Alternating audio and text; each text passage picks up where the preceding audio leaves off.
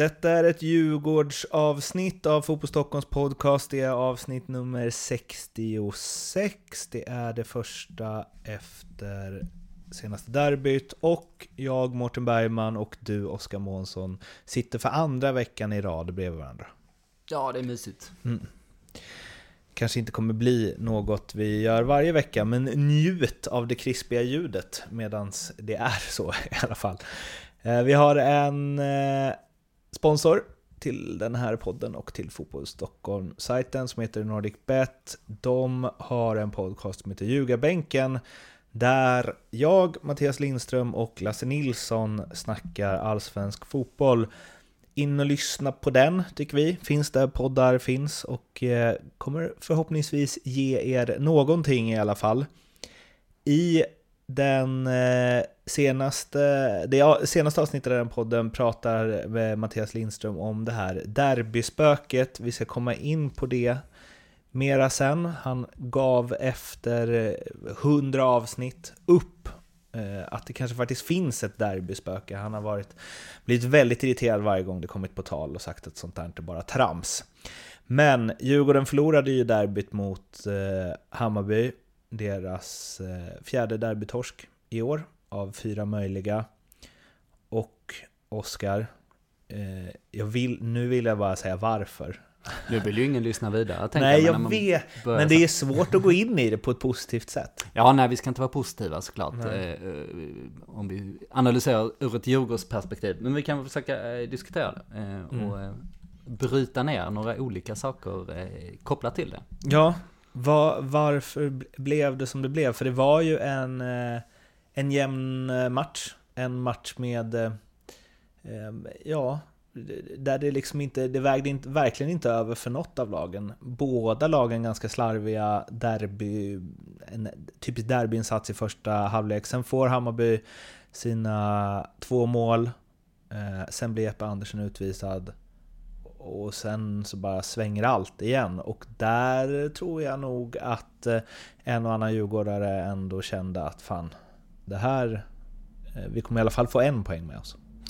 Ja, den där forceringen var ju massiv och den pågick ju i en halvtimme nästan. Eh, det var ju eh, inlägg på inlägg och det var full satsning i mitten och det kändes som att det var farligt varenda gång och Hammarby fick inte ens upp bollen på Djurgårds planhalva. De, hade, de kunde inte slå tre bollar i, inom laget.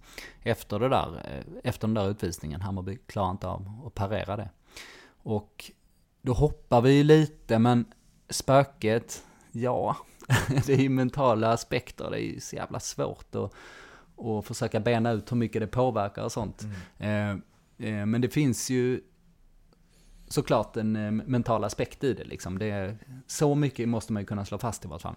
Men det var ju åtminstone borta från utvisningen, men då är det ju andra sidan 0-2. Um, ehm, då, då, är det liksom desperation som gäller och då är det fullt blås liksom för att uh, göra allt för att peta in minst två bollar. Och, och därifrån gjorde Djurgården precis vad som krävdes får man säga. Eh, det var väl mest, det var väl mest bara den lilla detaljen att det bara blev ett mål där.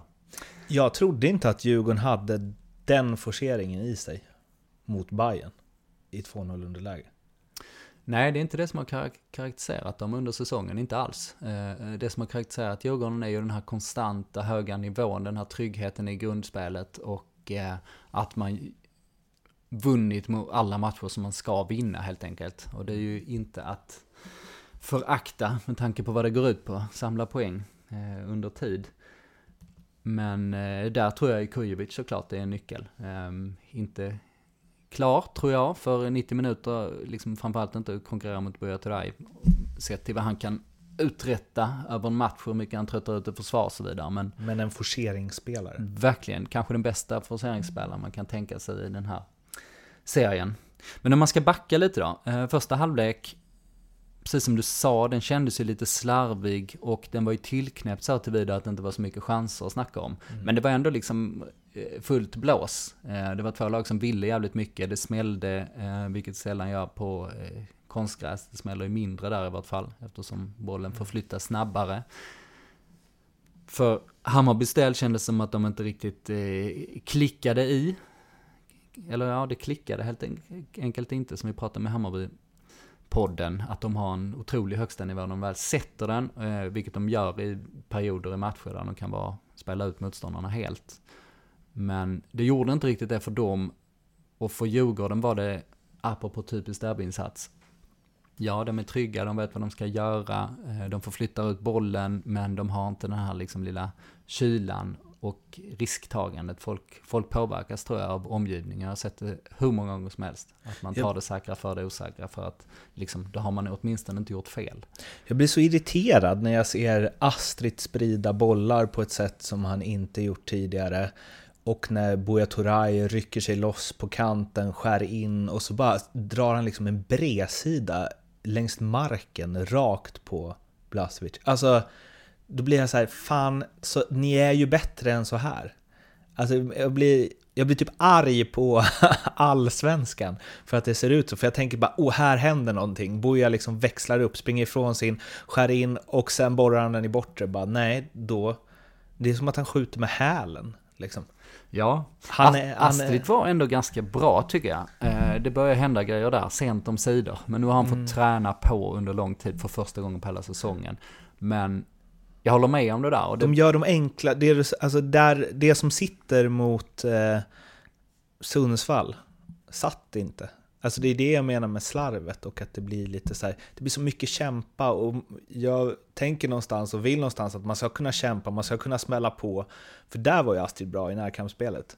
Eh, och vinna boll och sen slå den bra. Men han hade ju ett par som liksom, nej men som man inte ser honom slå så ofta. Som är liksom 10 meter fel. Mm. Alltså... Ja, det, det jag tänker det är det där som, eh, som friidrottare ska göra, att de ska um göra det de gör med absolut kraft, mm. men med total avslappning på samma gång. Mm. Um, och det tror jag att uh, det, är så, det är svårt att tuna in i ett derby, för det blir antingen att man är lite som Bojanic, att man blir ännu mer loj än vad man brukar vara liksom.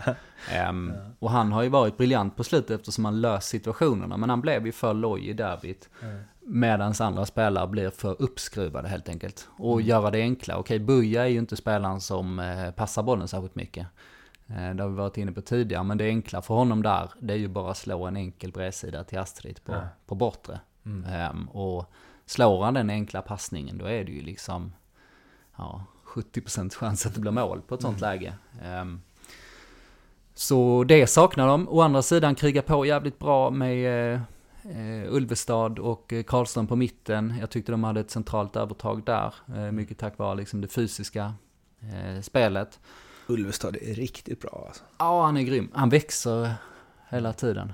Um, jag vet inte om han sticker ut så mycket så att han är liksom given att större klubbar tittar på honom och, och kan tänka sig betala en bra peng för honom. Men han vinner ju över tid, alltså han har så mycket i sig. Mm. Um, och jag tycker han ser starkare ut just uh, nu också än tidigare. Att uh, det finns en, en självklarhet liksom i, i det. Som jag mm. tror är kopplat mycket till att han är så vältränad. Men andra halvlek. Det var inte... Nu gjorde ju Hammarby som de gjort tidigare. Två mål på, på ingen tid alls. Mm. Um, men det var ju kanske inte att Hammarby var... De var inte överlägsna i den perioden. Mm. Eh, utan de tog tillvara på de möjligheterna som bjöds. Och det var ju lite ge bort bollen, framför allt andra målet som Elliot Check eh, tappar bollen blir straffat direkt. Ehm, och eh, ja, där var ju uppförsbacken total. Men som vi var inne på, sen, den totala scenförändringen från eh, ja, samma minut som Jeppe Andersson. Jeppe Andersson eh, åkte ut Hammarby ställde hela laget där nere och bara hade ingen plan B överhuvudtaget. Och Djurgården gjorde den här starka forceringen. Och det var ju liksom en eh, strålande räddning av eh, Blasevic. Eh, matchavgörande karaktär, det var en boll i ribban. Som dessutom studsar ut på Buja i ett jätteläge när han får den på knät. Och det är liksom, ja, under knät eller över knät så är det en touch och han kan eh, pilla in den här bollen. Mm. Så eh, ja, det är ju små marginaler och krysset är ju liksom definierande för en säsong mycket möjligt. Det kan ju liksom, kan ju vara avgörande när vi räknar upp tabellen. Nu hade ju det här blivit en eh, besvikelse ifall Djurgården inte vinner guld för Djurgårdssupportrar. Men om man ska, vi har ju varit inne på det förr i den här podden, men om man ska ta, ta ner det till vad, vad Djurgården faktiskt är och hur bra Djurgården faktiskt är och vilken trupp de har och vilken lönekostnad de har och så vidare och så vidare. Så vad som än händer från och med nu, som är troligt i alla fall, så kommer ju det sluta med att det är en bra säsong för Djurgården. En väldigt bra säsong till och med. Det blir ju lite så om man rycker, om man rycker ifrån lite i tabellen och eh, från Malmö-matchen borta har varit stora favoriter att vinna. Eh, eller stora favoriter eller favoriter åtminstone. Då hamnar man ju automatiskt i det läget, guldet är vårt att förlora. Liksom. Mm. Eh, och ja, det är inte så mycket att göra åt. För att eh, alternativet är inte så smart, det vill säga ta mindre poäng. Ehm, så det blir ju, eh, ja, läget just nu liksom. Mm. Det blir ju en, men det är ju kortsiktigt som fan att se på det. Och det är ju inte vad folk känner just nu. Men om man zoomar ut, precis som du sa, inför säsongen, ja men och dessutom ska vi säga, alltså chansen att vinna serien är fortfarande jävligt stor. Men om vi nu ponerar att det inte skulle bli så. Om de kommer två eller trea, eh, då tar de en Europaplats eh, under en säsong eh, där de har överpresterat sett till lönekostnaderna. Och eh, där man har haft eh, Erik Berg borta största delen av säsongen. Som ju är en topp tre i Allsvenskan, om han är i form. Ja, han är väl Djurgårdens bästa spelare mm. helt enkelt. Eh, nu har ju Danielsson hållit den nivån, så de, då kanske man kan argumentera för att de är liksom på, på samma nivå, grundkapacitetsmässigt. Landslagsklass alltså. Precis, och där är ju Erik Berg också. Eller mm. var i vart fall, nu får vi se lite hur det går för honom i, i karriären. Framöver, och eh, vi har ju inte riktigt haft den här eh, eh, genombrottsspelaren att tala om. Mm. Skulle, Chili skulle kunna slå igenom, Astrid har haft en strulig säsong mm. eh, helt och hållet. Och då ska man komma ihåg, alltså Astrid kom ändå från AIK Aten, vunnit grekiska ligan liksom. Um, så menar, han var ju den självklara tian man plockade in. Jag trodde ju utifrån ju, alltså jag trodde ju ganska mycket på dem i försäsongen. Jag tror jag tippade dem trea. Mm, vilket var extremt högt får man säga. Ja, men det var ju utifrån att Erik, jo, ja, Erik Berg skulle vara deras bästa spelare. Utifrån att Astrid skulle gå in och vara liksom mm, oftare topprest, alltså som hans topprestationer var senast han var i Allsvenskan. Så att det skulle vara ganska konstant sådana. För att han skulle spela i ett mycket bättre lag. Ehm, och att typ en Chili skulle blomma ut. Men, det, men inget av det har ju hänt och ändå, alltså jag, jag måste nog säga, jag har varit förvånad ganska ofta så här att bara, ja, Astrid har fortfarande inte kommit igång. Eh, och liksom, Boja har ju också gått ner sig i vissa, alltså rent eh, poängproduceringsmässigt. Och ändå så har de bara vunnit och vunnit och vunnit och vunnit. Eh, på grund av någonting annat, det vi pratat om, lagmaskinen Djurgården, att alla gör det de ska och så vidare. Så jag är liksom, även om jag trodde mycket på dem innan, så utifrån hur, hur det har blivit så är jag förvånad. Att de, att de liksom har guldläge. Ja, precis. Um, Eller ett bra betyg. Ja, och de som lyssnar på det här känner ju inte det. Nej. Dessutom är den här eh, derbysliten eh, vill ju folk förmodligen inte att man pratar om överhuvudtaget. Nej. Eftersom den är mentalt jävligt tung med allt vad det innebär med rivaliteterna och så vidare. Men jag kommer ju summera den här säsongen, oavsett hur den slutar, som en mycket lyckad Djurgårdssäsong. Om man ser eh, till var de kom ifrån och hur liksom beskedlig ändå satsningen var. Jag tyckte satsningen var väldigt smart och strategisk, men det var ju liksom, det var ingen bang-satsning som de slog till med inför säsongen. Dessutom är det ju starkt, får man säga, eh, apropå det vi pratade om Erik Berg, för, för de frågetecknen som vi satte upp i, eh, i förra avsnittet, det handlar just om där högsta nivån. Att det kanske avslöjas att, ja, de når inte de höjderna som vissa konkurrenter kan göra, framförallt Malmö och Hammarby, utan att deras eh, styrka är liksom den här låga högsta nivån, eller bara snittnivån. Och jag tjatar om 5-2-3, att man skulle kunna byta till det. Um, om man hade haft Erik Berg Och jag tror att 5-2-3 ett mot Hammarby har vi sett hur AIK, hur effektiva de har varit. De har verkligen stängt ner Hammarby och dessutom kunnat kontra på ett mycket mer effektivt sätt. Um, den hade de ju haft i bakfickan, men det får de ju bara stryka nu liksom. Men du, utifrån att eh, vi tycker att det är väldigt bra gjort av Djurgården och att man, och rent objektivt så är det ju väldigt bra gjort av Djurgården att komma två eller trea också. Eh, tror du att Kim och Tolle på något sätt använder det, eller tycker att de borde använda det, i så här för att eh, minska pressen i de matcher som återstår?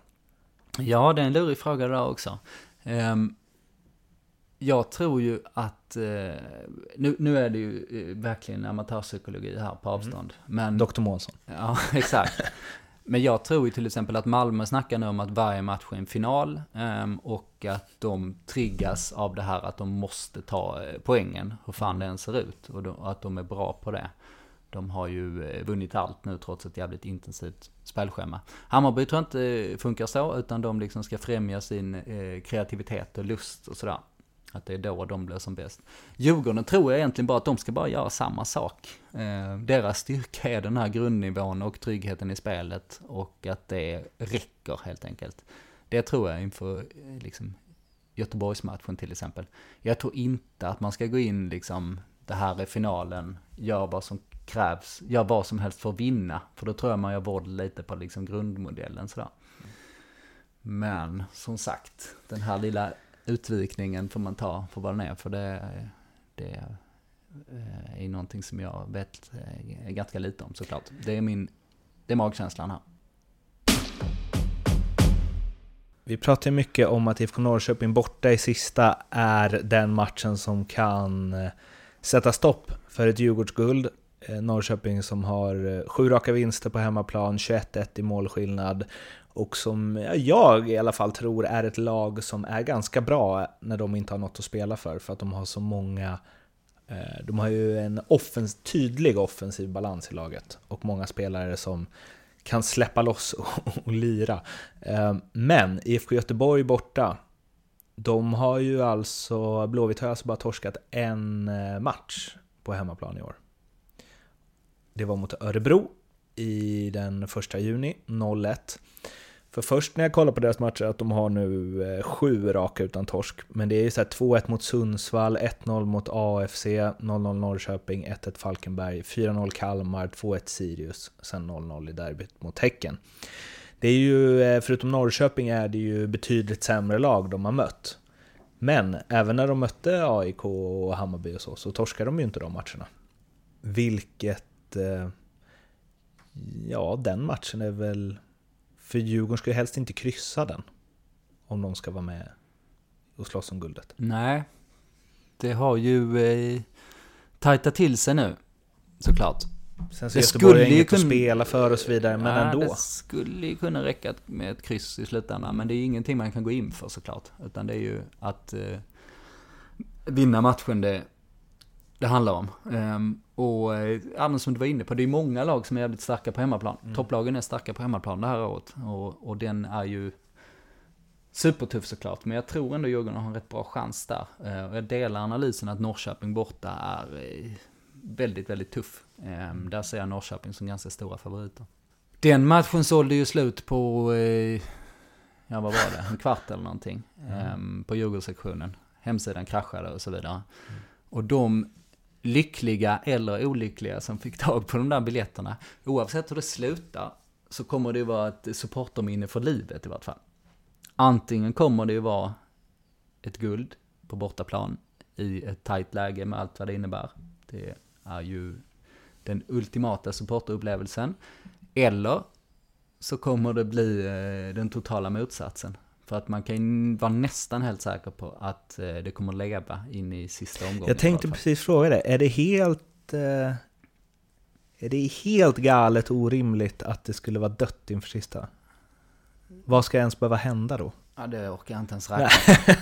jag har ju min 65 poängs teori. Eh, jag tror ju att det är mycket möjligt att alla fyra lagen, nu har vi inte ens pratat om AIK, men jag tror ju eftersom jag går på min teori här att det blir svårt för dem eftersom de är så långt bakom målskillnadsmässigt. Det är ju de mm. andra tre lagen som gör upp om det och där ligger, har Djurgården tufft mot eh, både Malmö och eh, Hammarby.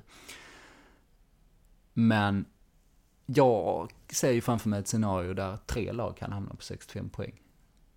Vilket, um, ja, det kan ju folk själva tänka sig spänningen inför en sån omgång. Det, jag kan inte minnas att det varit något liknande. Nej. Någon gång är det ju fight mellan två lag i sista omgången och så, men just det här att alla har chansen in i det sista är ju maxspänning såklart. Det, det kommer ju också öppna för en målskillnad om det ska avgöras på det. Men eh, fan vad, nu är ju det här Djurgårdsavsnittet, men eh, vi har precis spelat in Hammarby-avsnittet och vi är alldeles strax klara med Djurgårdsavsnittet. AIK har vi helt räknat bort. Det är kanske det vi ska prata om i AIK-avsnittet. Att det är som att de ligger sjua i vårt sätt att se. Alltså. Ja, och de har ett bra schema. Ja. Förutom Malmö borta såklart. Mm. Eh, som är så svårt det kan bli. Men eh, de finns ju med där, men eh, enligt min teori har jag räknat ut dem. Så då får, du, då får jag käka upp det i så fall. Får du. Det var allt för eh, Djurgårdsavsnittet denna vecka. Vi kanske hörs nästa vecka, det är ju landslagsuppehåll, vi har inte riktigt eh, bestämt än om det kommer finnas något att prata om då. Annars så hörs vi efter IFK Göteborg, Djurgården i när Allsvenskan startar igång igen. Tills dess, må gott, hej då! Hej då!